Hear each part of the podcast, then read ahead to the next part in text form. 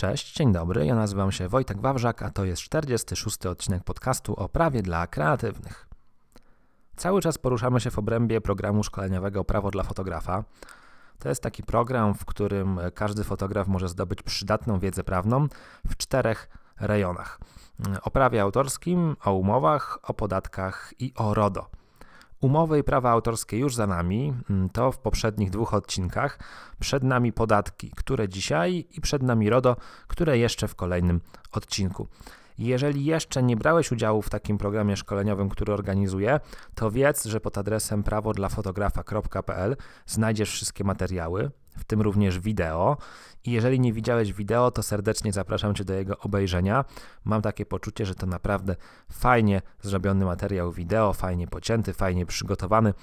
Miło się go ogląda. Będzie mi miło, jeżeli sam ocenisz, czy rzeczywiście jest tak miło przy oglądaniu tego wideo. Dwa bonusy. Bonus dla uważnych, bonus dla uważnych, który możesz odblokować na stronie prawodlafotografa.pl oraz pakiet dla fotografa, czyli komplet przydatnych dokumentów prawnych, które możesz kupić w każdej chwili jednym kliknięciem i zapewnić sobie spokój w swojej działalności, ułożyć te wszystkie kwestie prawne tak, jak one być powinny. Przed nami rozmowa z Beatą, rozmowa z Beatą, z fotografem o podatkach. Za chwilkę ją usłyszysz, a jeszcze po tej rozmowie kilka słów na zakończenie ode mnie, także miłego odsłuchu i do usłyszenia po jego zakończeniu. Jestem fotografem, który prowadzi działalność gospodarczą, w związku z tym wystawiam faktury swoim klientom i tutaj jakby nie mam z tym problemu, tak? Y, tak taki mój obowiązek. Natomiast co z tymi fotografami, którzy nie mają działalności gospodarczej, a również chcieliby bądź obsługują y, klientów? Jaki, y, jaka forma rozliczenia ich obowiązuje? No, obowiązują ich zasady ogólne. Mm, nie wiem, jaką ty masz formę opodatkowania w swojej działalności możesz mieć ogólne albo liniowe. Nie będziemy w to, e, w to, w to, w to wnikać, bo to trochę takie informacje, bym powiedział, quasi poufne, a może później na backstage'u zdradzisz okay. E, tą, tą, tą tajemnicę. Natomiast osoby prywatne, które działalności nie prowadzą, one na pewno nigdy nie mogą korzystać z podatku liniowego, czyli zawsze będą w tych dwóch stawkach podatkowych 17% bądź 32%.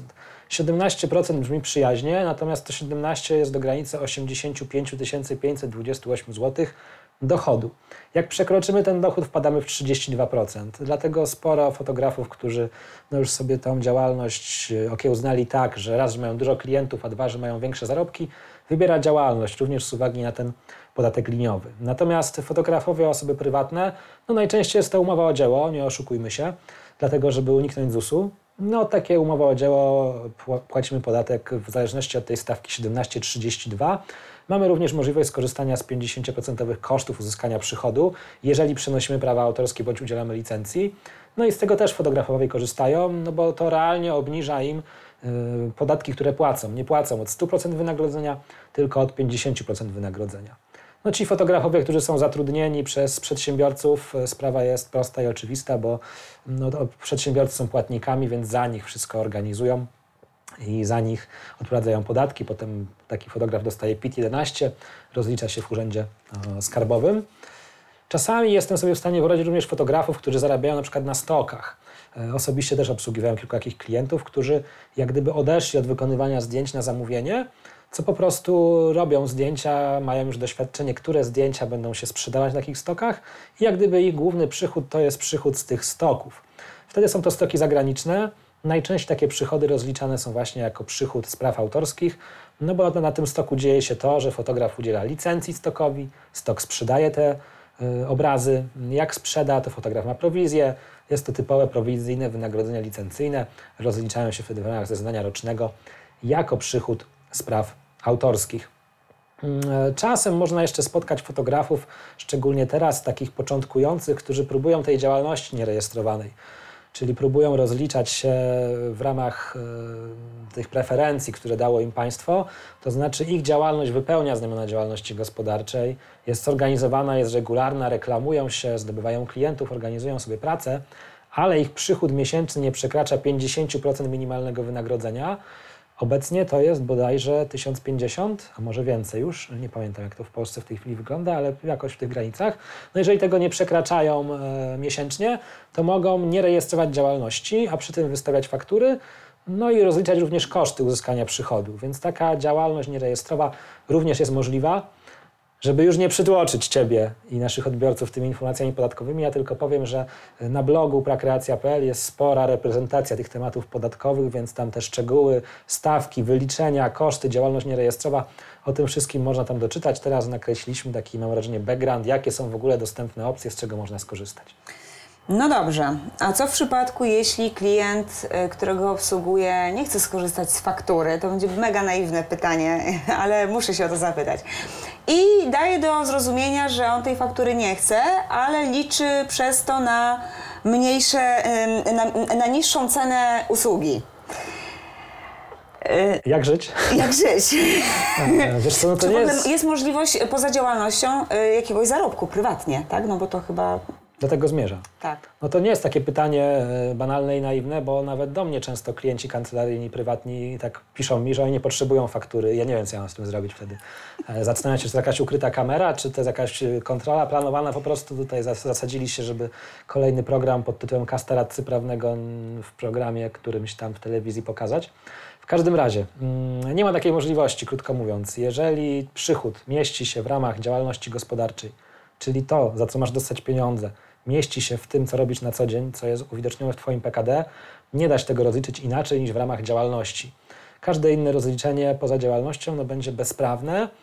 Mm, Konsekwencja będzie taka, że Urząd Skarbowy będzie mógł i tak dochodzić tego wyższego podatku, no bo w praktyce chodzi o to, że ja mam taką pokusę, że rozliczę się poza działalnością, bo sobie zastosuję 50% koszty, wyjdzie mniejszy podatek, więc mniej zapłacę. Więc Urząd Skarbowy będzie mógł dochodzić tego podatku, którego bym zapłacił w działalności. No a co więcej, jest to pewnego rodzaju również wykroczenie, czy nawet przestępstwo skarbowe. E, Więc raczej bym unikał i nawet takie pytania klientów trochę e, traktował jako ukrytą kamerę z bezpieczeństwa, bo nigdy nie wiadomo, co ten klient zrobi, bo on jest zadowolony teraz. A jak Tak. będzie niezadowolony, to powie, Pani Beato, a pani pamięta. Pani poprawi lepiej to zdjęcie, bo ja pamiętam, że takie zlecenie to miało miejsce. I porozmawiamy inaczej. No dobrze, a y, powiedz mi jeszcze Wojtku, co w przypadku, jeśli mm, fakturę wystawia, jest małżeństwo, fakturę wystawia mąż, który posiada działalność gospodarczą, natomiast usługę faktycznie wykonuje jego żona. Czy w ogóle coś takiego jest możliwe? Rozmawialiśmy o tym w ramach bloku o prawie autorskim. E, odsyłamy naszych e, kochanych e, oglądających do tego bloku, bloku numer jeden. Natomiast z punktu widzenia podatkowego nie ma z tym problemu. Tak? Jeżeli mąż chce wykonać tą usługę, posługuje się podwykonawcą, żeby to zrobić, to z punktu widzenia podatków nie ma tutaj problemu. On wystawia fakturę sprzedażową, on ma przychód, wynagrodzenie wypłacone podwykonawcy może być jego kosztem. Sytuacja podatkowo jest klarowna i jasna, oczywiście pod warunkiem, że nie jest to współpraca na przysłowiowe czarno, czyli ja wysyłam żonę, ale nikt o tym formalnie nie wie. Rozumiem. E, A co w przypadku, jeśli e, klienci płacą z góry albo przekazują jakąś zaliczkę, e, a ja muszę wystawić fakturę? Czy fakturę wystawiam po raz pierwszy, gdy otrzymuję zaliczkę, jakąś, jakąś taką przedwstępną wpłatę, czy fakturę mogę wystawić po zakończeniu usługi za wszystkie te wpłaty dokonywane w międzyczasie? Zapewne chciałabyś na końcu, bo tak byłoby dla Ciebie korzystniej, bo byś mogła sobie przenieść termin zapłaty podatku. Natomiast no, takie działanie nie jest dopuszczalne, bo mamy mm, ogólną zasadę związaną z wystawianiem faktur, a w zasadzie z momentem jej wystawienia, że albo taką fakturę wystawiamy z chwilą wykonania usługi, albo z chwilą otrzymania zapłaty, w zależności co było pierwsze. Więc jeżeli pierwsza jest płatność, chociażby częściowa, to powinniśmy zafakturować tą płatność i nie przekładać tego obowiązku podatkowego no, na kolejny miesiąc, y, bo owszem, to może być niezauważone i niedostrzeżone, ale jeżeli Urząd Skarbowy by to zauważył, no to będzie miał prawo domagać się i tak zaległości wraz odsetkami. Y, czyli odwrotna sytuacja, gdy. y, bo mm, przy okazji tarczy antykryzysowej wyszedł ten temat, że mm, ludzie zaczęli przerzucać swoje faktury na kolejne miesiące, tak? Czy y, umawiając się z klientem, właśnie, że ta faktura zostanie wystawiona w kolejnym miesiącu? No to musicie wtedy wspólnie z klientem po prostu trwać na takim jednolitym stanowisku, że usługa również została wykonana w następnym miesiącu. Um, przy usłudze fotograficznej to akurat myślę jeszcze jest taka możliwość, bo nawet jeżeli tą usługę wykonujesz zdjęcia na przykład na przełomie miesiąca, nie wiem, 20 czerwca powiedzmy, no to finalnie zdjęcia ten klient dostanie Tak. gdzieś 10 lipca, nie? bo obróbka i tak dalej, więc pozostaje tutaj taka argumentacja, że usługa nie została wykonana, bo wy określiliście moment wykonania usługi jako moment oddania dzieła, czyli wydania mu obrobionych zdjęć. Więc de facto troszeczkę łatwiej jest może trochę przerzucić ten obowiązek wystawienia faktury, skoro efekt finalny usługi jest później. Natomiast jeżeli faktycznie usługa została wykonana do końca w czerwcu, a wy byście chcieli się z klientem umówić, że faktura w lipcu, on się zgadza, ty szczęśliwa, no to e, wszystko jest fajnie, dopóki nie wyjdzie to w praniu. Znaczy, jeżeli urząd by był w stanie ci udowodnić, że e, usługa została realnie wykonana w czerwcu, no to masz problem, bo przeniosłaś sztucznie przychód miesiąc dalej, a w kontekście tarczy antykryzysowej masz dalej idący problem, bo poświadczyłaś nieprawdę, złożyłaś fałszywe oświadczenie pod rygorem odpowiedzialności karnej i w ogóle oszukałaś państwo na grube miliony, więc pewnie by ci tam cofnęli te wszystkie wsparcia, które ci przyznali, no i, i w sumie z tych 10 dni zrobiłoby się więcej problemu niż pożytku. Tak, to nie ma kompletnie sensu. A powiedz mi jeszcze, bo ostatnio w grupie fotograficznej został poruszony temat kas fiskalnych. Czy ja potrzebuję takiej kasy fiskalnej? A wykonujesz zlecenia na rzecz osób całkowicie prywatnych? Również. no to przynajmniej trzeba by rozważyć. W sensie takim, że ogólna zasada jest taka, że kasa fiskalna pojawia się wtedy, kiedy prowadzisz sprzedaż na rzecz osób prywatnych. Jak sprzedaż na rzecz firmy, w ogóle nie rozpatrujemy kasy. W sytuacji, gdy przychodzi osoba prywatna, kasę rozpatrujemy. Natomiast są pewne wyjątki. Jeżeli ta Twoja sprzedaż na rzecz osób prywatnych w ciągu roku nie przekracza 20 tysięcy, kasy mieć nie musisz. Co więcej, jeżeli zrezygnujesz z obrotu gotówkowego i będziesz zawsze przyjmować płatności przelewem i każdy przelew powiążesz z danym klientem, będziesz sobie prowadzić taką trochę ewidencję, zestawienie wpłat od poszczególnych klientów, to niezależnie od wysokości obrotów możesz z takiego zwolnienia korzystać, bo ono jest dopuszczalne, jest przewidziane w rozporządzeniu. Jest tak zwane zwolnienie ze względu na przedmiot płatności, czyli usługa wykonywana, ale płatność przychodzi przelewem. Rozumiem. A powiedz mi jeszcze, co z VAT-em? Ja nie jestem VAT-owcem. Są fotografowie, którzy VAT-owcami są. Kiedy następuje to przejście? Niektórzy fotografowie są watowcami dlatego, że mają takie współprace, takie deale z agencjami, że one chcą, żeby one dostawa, dostawać fakturę VAT. Wolą zapłacić więcej, ale mieć ten VAT na fakturze, żeby od swojego VAT-u móc odliczyć. Dlatego niekiedy już na starcie fotograf się decyduje, żeby jednak tym VAT-owcem zostać. Ale nie musi, dlatego że fotograf może korzystać z tego zwolnienia podmiotowego dla tak zwanych małych podatników, które w tej chwili wynosi 200 tysięcy w skali roku. To znaczy, jeżeli w skali roku nie przekroczysz 200 tysięcy złotych sprzedaży, nie musisz być podatnikiem VAT. Przy czym tutaj ważna uwaga dla fotografów, którzy by zaczynali działalność, szczególnie pod koniec roku, ten limit do VAT-u jest proporcjonalny. To oznacza, że jeżeli na przykład będę tylko przez miesiąc prowadził działalność, bo zaczynam w grudniu, to mój limit będzie proporcjonalny do miesiąca. Więc jakby mi się zdarzyło wystawić w grudniu fakturę na wysoką kwotę, to mogę już bardzo szybko w ten obowiązek VAT-u wejść, a jak już wejdę, to nie wyjdę. Więc warto na przełomie roku uważać z tymi współpracami e, na większe faktury, no bo można sobie od razu wbić się w VAT, a każdy, kto ma taką możliwość, w VAT-cie stara się nie być, no bo po co dopłacać do tej usługi 23%, kiedy można tego nie robić. Dokładnie tak.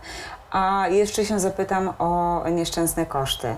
Każdy chciałby mieć je jak największe. Jak można kreatywnie podejść i generować te koszty w taki sposób, które będą również zgodne z prawem i te rzeczy, które będą y, wchodziły w skład moich kosztów, faktycznie będą na potrzeby mojej działalności, bo rozumiem, że tylko i wyłącznie takie koszty mogę mieć, tak, żeby je y, wypisać. Przede wszystkim polecam częste korzystanie z kancelarii radcy prawnego Wojciecha Wawrzaka, wystawiamy faktury. Przydatny również bywa pakiet, go również można kupić pod koniec miesiąca i generować świetne koszty. Polecam to rozwiązanie z całego serca. Natomiast jeżeli chodzi o takie koszty, mm, no takie powiedzmy no już nieprawnicze, to usługa księgowa, to na pewno jest oczywiście co miesiąc powtarzalna. E, Zakup jakiejś literatury branżowej, no w Twoim przypadku zakup sprzętu, sprzęt fotograficzny tani nie jest. Jakbyś jeszcze chciała nadążać za tymi nowinkami wszystkimi sprzętowymi, to w zasadzie non-stop, non-stop i non-stop. Więc jak najbardziej sprzęt, który jest Ci potrzebny do pracy, jakieś akcesoria, tło, nie wiem, statywy, lampy, no generalnie wszystko to, co jest Ci potrzebne, żeby zarobkować. Czyli również paliwo, Jeżeli masz samochód firmowy, to jeśli tak. mam samochód firmowy. Tym bardziej, kiedy masz wyjazd do klientów na sesję, to jest to tym Tak. bardziej uzasadnione. Tak. Rachunek za telefon, za internet, prąd, yy, fragment czynszu mieszkania czy czynsz lokalu. No wszystko to, co jest związane z Twoją działalnością, za wyjątkiem takich kreatywnych kosztów typu czekolada oprawiająca nastrój, bo wtedy jesteś bardziej efektywna. No to, to, to nie wchodzi. Rozumiem. A na przykład odpowiednie ubranie na odpowiednią imprezę wykonywaną właśnie, na której, podczas której wykonuję e, e, swoje usługi fotograficzne. Co, to, jest, to jest kontrowersyjny temat, y, bo to można by uznać za tak zwane koszty reprezentacji, czyli ja jako przedsiębiorca chcę budować swój wizerunek, więc chcę się ładnie pokazać.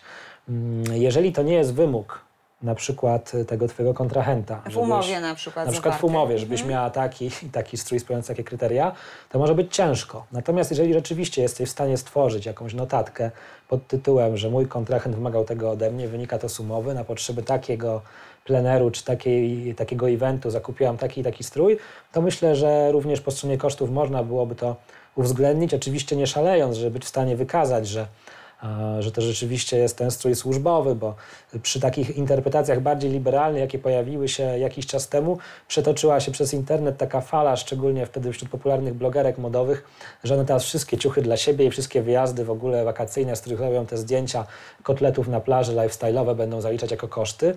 E, No tak to nie działa. Musi być to rzeczywiście ściśle powiązane i udowodnione. Rozumiem, a takie koszty e, typu przychodzi klient do domu, e, siedzimy, pijemy kawę, nie wiem, jakieś ciastka, czy takie rzeczy również mogą wchodzić w zakres kosztów tak, tak. moich? Takie, takie koszty dopuszczę, dopuściłbym, no dlatego, że jest to niezbędne do funkcjonowania jakiegoś rodzaju biura. Prawda? Czyli na przykład ekspres do kawy. Na przykład ekspres do kawy. Mm, Oczywiście, jeżeli masz biuro w mieszkaniu, no to musisz się liczyć z tym, że gdyby urząd chciał cię dopytać, no to będziesz musiała jakoś tak sprytnie z tego wybrnąć, tak? No bo mm, jak masz oddzielny, oddzielny lokal biurowy, to w ogóle nie ma problemu, bo wiadomo, że tam musisz kupić wodę, musisz kupić kawę, musisz kupić herbatę, Tak. musisz kupić kawiarkę, czystość utrzymać, środki czystości i tak dalej. Natomiast w domu jednak są to jakieś wydatki, które również wchodzą do prywatnego, prywatnej Rozumiem. części, więc można na przykład pomyśleć o podzieleniu procentowo. Jak już być chcieć tak bardziej być dla tych, którzy mają takie większe obawy, bo różni są klienci, niektórzy chcą być bardzo ryzykowni, niektórzy chcą być bardzo formalni, no to wtedy można sobie na przykład wydzielić, nie wiem, 40% e, tych zakupów w tym dniu, no to jest na działalność, tak? Rozumiem. Okej, i ostatnie pytanie, Wojtku. Mam działalność swoją, a na zlecenie wysyłam osobę, która wykona za mnie te zdjęcia. Jak ja mogę się z tą osobą rozliczyć? Ona pracuje na swoim sprzęcie, nie ma swojej działalności gospodarczej. Najłatwiej na umowę o dzieło. Mm, Opisać bardzo precyzyjnie, mm, na czym to dzieło polega. W sensie wykonanie e, fotosesji podczas takiej takiej imprezy, podczas takiego takiego wydarzenia, które ma skutkować stworzeniem serii fotografii takich i takich. I wtedy myślę, nikt nie będzie w stanie zakwestionować, że nie jest to dzieło. No i wtedy jaką osobę zatrudniasz e, w ramach takiej umowy jest to najkorzystniejsze finansowo, bo raz, że będziesz mogła zastosować 50% koszty, dwa, że nie będzie ZUS-u, no, obowiązki, jakie są z tym związane, no to oczywiście jakie wewnętrzne księgowe. Na koniec roku, w kolejnym roku musisz takiej osobie przygotować PIT-11, wysłać do niej, do urzędu PIT-4, więc tam księgowa ma trochę więcej pracy. Natomiast no, nie jest to nic problematycznego. W większości przypadków e, to działa i się sprawdza.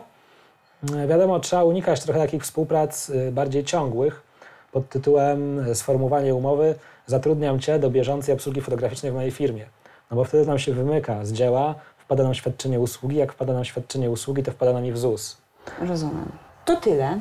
Dziękuję Ci bardzo. Ależ cieszę się, że mogłem pomóc.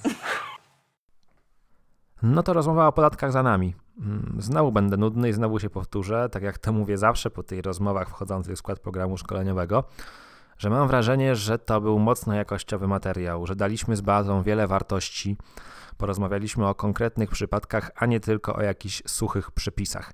Jeżeli ty też tak uważasz jeżeli myślisz, że ten program jest przydatny, no to opowiedz swoim znajomym fotografom, żeby wpadli, żeby zobaczyli materiały dostępne pod adresem prawodlafotografa.pl żeby też mogli z tą wiedzą się mm, zapoznać. Będę również wdzięczny za pozostawienie opinii na temat tego podcastu w iTunes czy w innej aplikacji podcastowej.